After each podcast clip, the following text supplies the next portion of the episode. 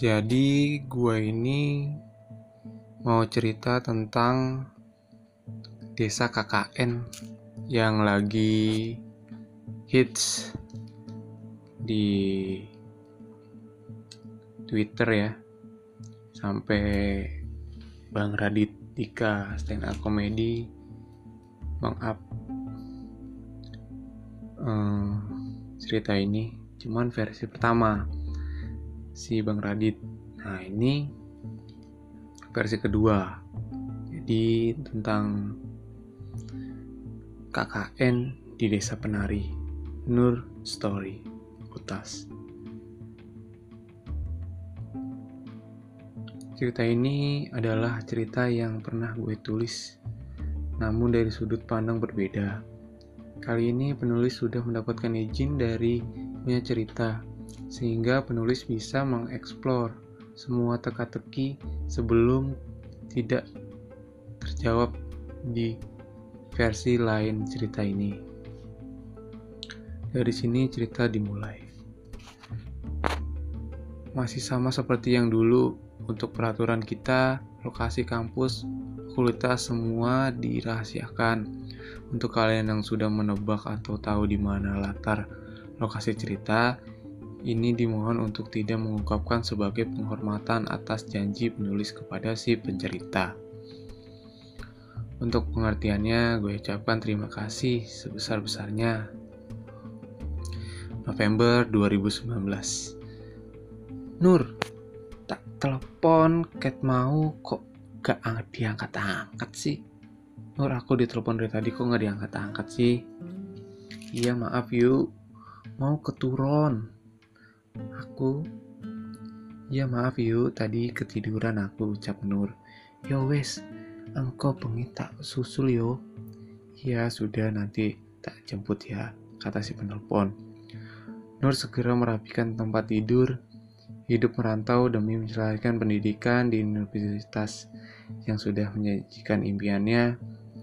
Sejak kecil kini tinggal menunggu bulan demi bulan hanya tinggal menyelesaikan tugas terakhir salah satunya adalah tugas pengabdian pada masyarakat. Orang lebih mengenal dengan KKN, kuliah kerja nyata.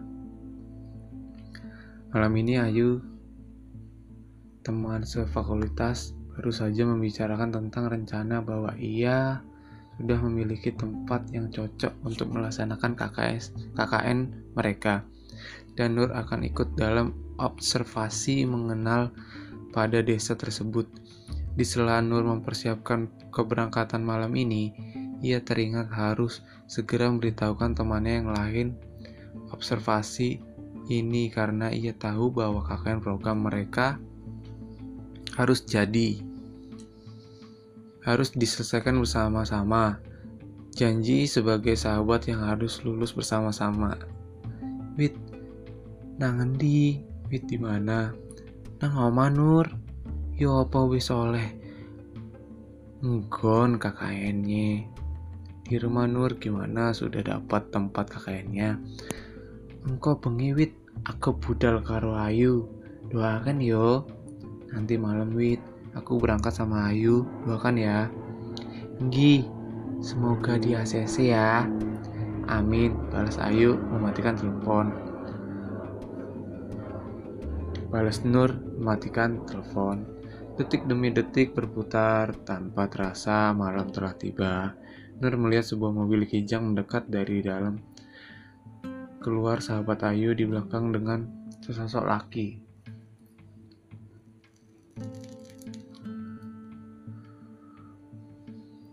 Mungkin itu adalah Mas Ilham, kakak Ayu. Pikir Nur dalam hati, iyo, budal kata Ayu, menggandeng Nur agar segera masuk ke dalam mobil. Mas Ilham membawa barang Nur, kemudian pun mulai berangkat. Nah, berangkat ini dia ini untuk minta izin aja. Nah, kebesokannya nanti gue ceritain lagi. Ada nggak yuk? Jauh tidak yuk? Tanya Nur.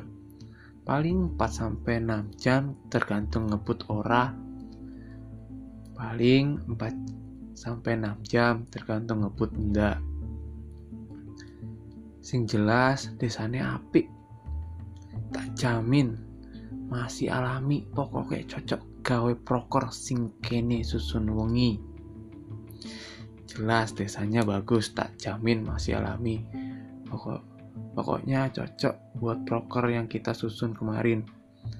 Ayu terlihat begitu antusias. Sementara Nur, ia merasakan tidak nyaman. Banyak hal yang membuat Nur bimbang. Salah satunya tentang lokasi dan sebagainya. Sejujurnya ini kali pertama Nur pergi ke arah Etan atau timur. Sebagai perempuan yang lahir di daerah Kulon atau Barat, ia sudah sering kali mendengar rumor tentang arah Etan. Salah satunya kemistisannya. Jawa Timur kemistisannya.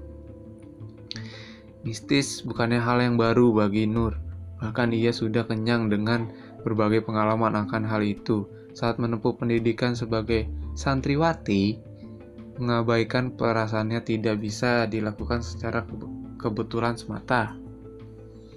Dan malam ini belum pernah Nur merasakan setidaknya enak ini. Merasa setidak enak ini. Benar saja perasaan tidak enak itu terus bertambah seiring mobil terus melaju. Salah satunya bertanda buruk itu adalah ketika sebelum memasuki kota J yang disamarkan, di mana kota B Nur melihat kakek-kakek yang meminta uang bersimpangan ia seakan melihat Nur tatapannya prihatin. Bukan hanya itu saja, si kakek menggelengkan kepalanya, seolah memberikan tanda pada Nur yang ada di dalam mobil untuk mengurungkan niatnya. Ih, rinding. Namun Nur tidak bisa mengambilkan spekulasi apa pun. Ada temannya yang lain menunggu kabar baik dari observasi hari ini. Baru observasi ya. Hujan tiba-tiba turun tanpa terasa 4 jam lebih perjalanan ditempuh, mobil berhenti di sebuah tempat rest area yang sepi. Sebelum akhirnya melanjutkan perjalanan, Nur melihat hutan gelap yang memanggil-manggil namanya. Hutan Desa ini ada di dalam hutan, kata Mas, kata Mas Ilham yang membawa mobil elf itu. Mobil kijang. Nur tidak berkomentar, ia hanya berdiri di samping mobil yang berhenti di tepi jalan hutan ini. Se sebuah hutan yang sudah dikenal oleh semua orang Jawa Timur, hutan D. Tidak beberapa lama nyala lampu dan suara motor terdengar. Mas Ilham melambaikan tangannya. Iki wong desone mlubune kodok numpak motor. Gak iso numpak mobil soalnya. Itu orang desa masuk harus naik motor. Mobil tidak bisa masuk soalnya Nur dan Ayu mengangguk bertanda ia mengerti. Ya, merinding. Tanpa berpikiran panjang, Nur sudah duduk di belakang jok dengan mereka berangkat memasuki jalan setapak dengan tanah tidak merata membuat Nur harus memegang kuat jaket bapak dan membonceng. Tanah masih lembab, ditambah embun fajar sudah terlihat di sana sini, malu-malu memenuhi pepohonan rimbun. Nur melihat sosok wanita yang sedang menari di atas batu. Kelihatan matanya tajam dengan paras elok dan cantik. Si wanita tersenyum menyambut tamu yang sudah ia tunggu. Melihat dari balik jalan lain, Nur mendapati si wanita yang sudah menghilang tanpa jejak. Ia tahu dirinya sudah disambut dengan entah apa itu. Memasuki desa masih humble, peluk kangen dengan seorang pria yang mungkin seumuran dengan ayahnya di rumah. Pria itu ramah dan murah senyum menyambut tangan Nur Mendengar si pria memperkenalkan diri. Kulo Prabu, saya Prabu. Sepurane ham, aku eruh. Kene wis kenal suwe, tapi desa iki gak tau loh gawe kegiatan KKN. Saya meminta maaf Ham, aku tahu kita sudah kenal lama, tapi desa ini tidak pernah dipakai kegiatan KKN. Tolonglah mas, kata Mas Ilham. Dibantu Adikku, suasana saat itu tegang. Gak iso ham, kata Pak Prabu. Mas Ilham dengan ekspektasi tak terduga.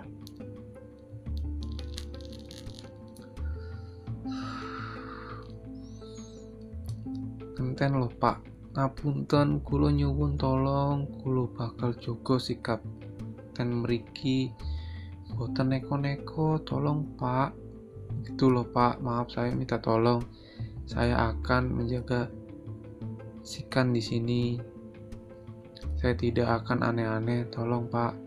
Ucap Ayu, matanya berlinang air mata. Ia tidak pernah melihat Ayu sengotot ini. Mimik wajah Pak Prabu yang sebelumnya mengeras kini melunak. Piro sing KKN? Berapa KKN? Nanti, Dek. Dengan bersemangat Ayu menjawab, nampak.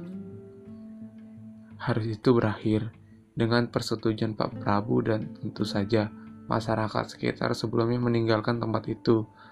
Ayu dan Nur berkeliling memeriksa desa sebentar. Di sana ia sudah tahu proker apa saja yang akan menjalani wacana mereka, salah satunya kamar mandi dengan air sumur. Ia tahu masyarakat mendapatkan akses air hanya dari sungai, jadi terpikir mungkin sumur lebih efisien. Di tengah mereka merundingkan berbagai proker kelak. Nur terdiam melihat sebuah batu yang ditutupi oleh kain merah. Di bawahnya ada sesajian lengkap dengan bau kemenyan. Di atasnya berdiri sosok hitam dengan mata picing menyala merah. Meski hari siang bolong, Nur bisa melihat kulitnya yang ditutupi oleh bulu serta tanduk kerbau mata mereka saling melihat satu sama lain. Sebelum Nur mengatakan pada Ayu bahwa mereka harus pulang. Apa tok Nur? Kok gopoh men? Kenapa sih Nur? Kok kamu keburu-buru pergi? Kasihan Mas Ilham, wes kanteni, ucap Nur. Ya wes, ayo. Ayo menimpali. Mereka pun segera naik motor. Sebelum keluar dari desa itu sosok yang Nur lihat apalagi bila bukan gendurwo. Nurjaken Bima yo, ambek Widya, engkau ambek kenalanku, kating Nur. Nur ajak si Bima sama Widya, sama kenalanku kating, ucap Ayu di dalam mobil. Bima, lapo ngejak cah kui. Ngapain sih ngajak Bima? Biar rame, kan wes kenal suwe. Wah, suara pesawat. Biar rame kan sudah kenal lama, saut Ayu. Kok nggak awakmu sing ngejak toh? Kenapa bukan kamu saja yang ngajak? Timpal Nur. Kan awakmu biyen sak pondokan. Wes luwe suwe kenal. Kan kalian pernah satu pondok, jadi sudah kenal lebih lama. Pokoknya cak eh arek iku yo. Pokoknya ajak anak itu ya.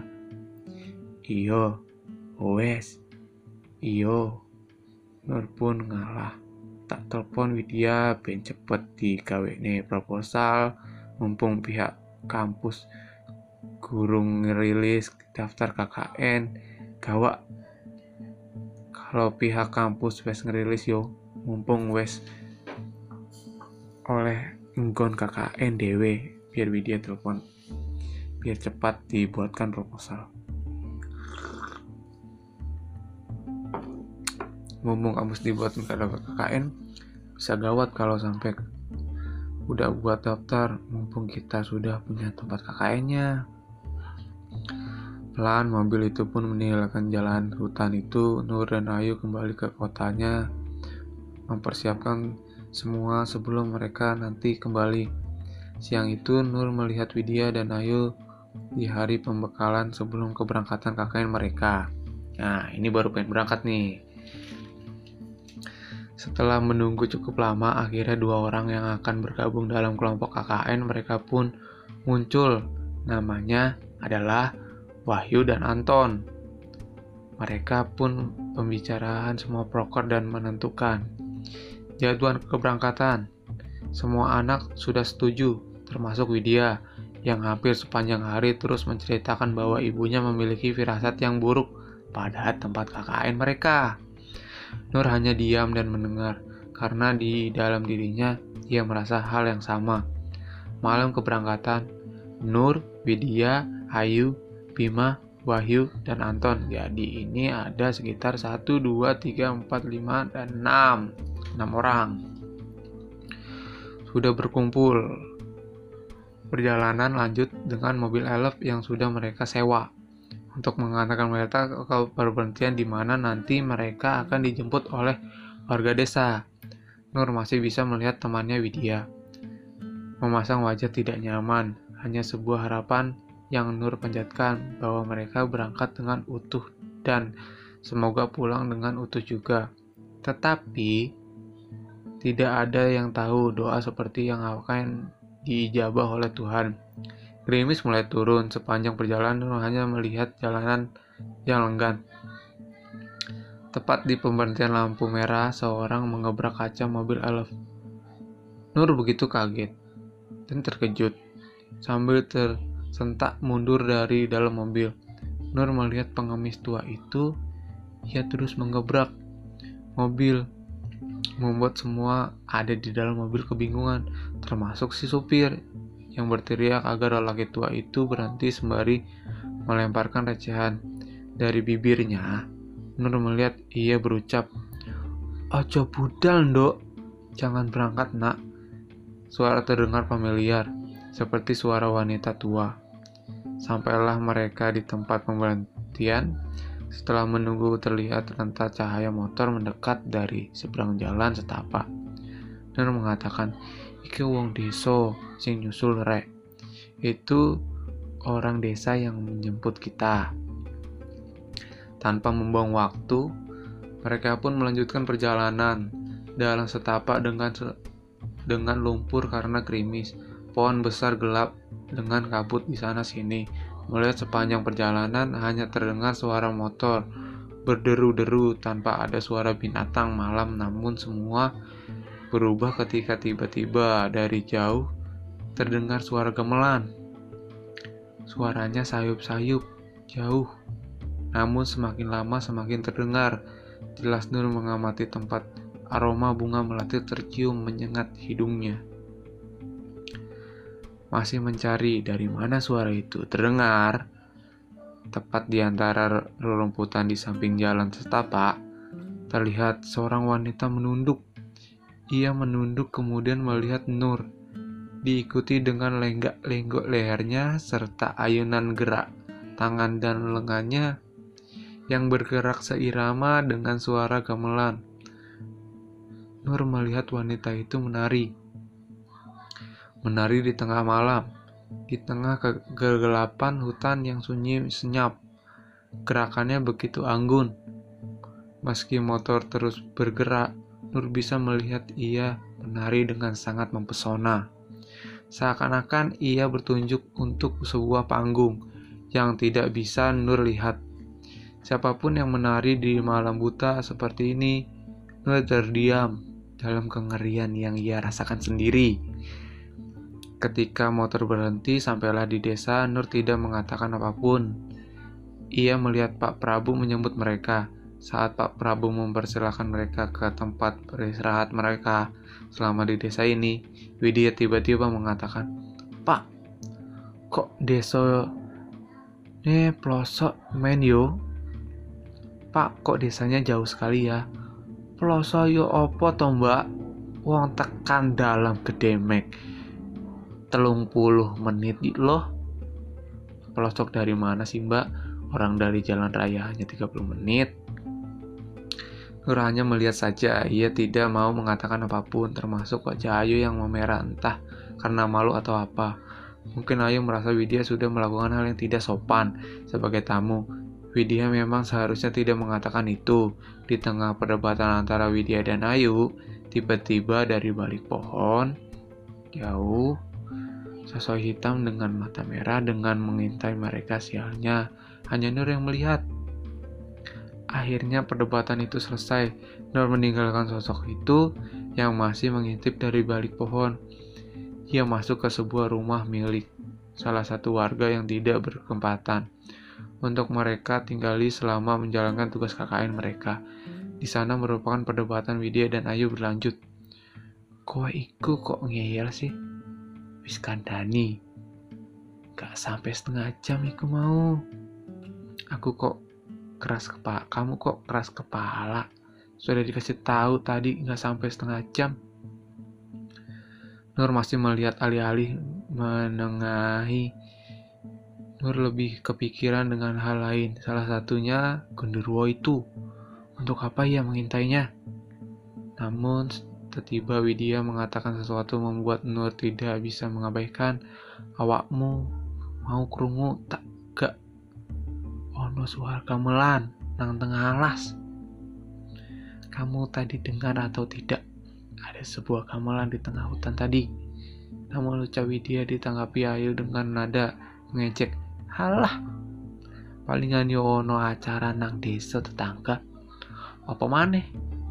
Halah paling tadi kebetulan ada mengadakan acara di desa tetangga apalagi Nur yang mendengar itu beraksi pada Ayu. Yuk, gak ono lo desa manenang kene.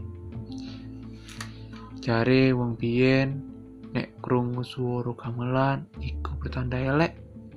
Kata orang dulu bila mendengar suara gamelan itu arti sebuah pertanda buruk.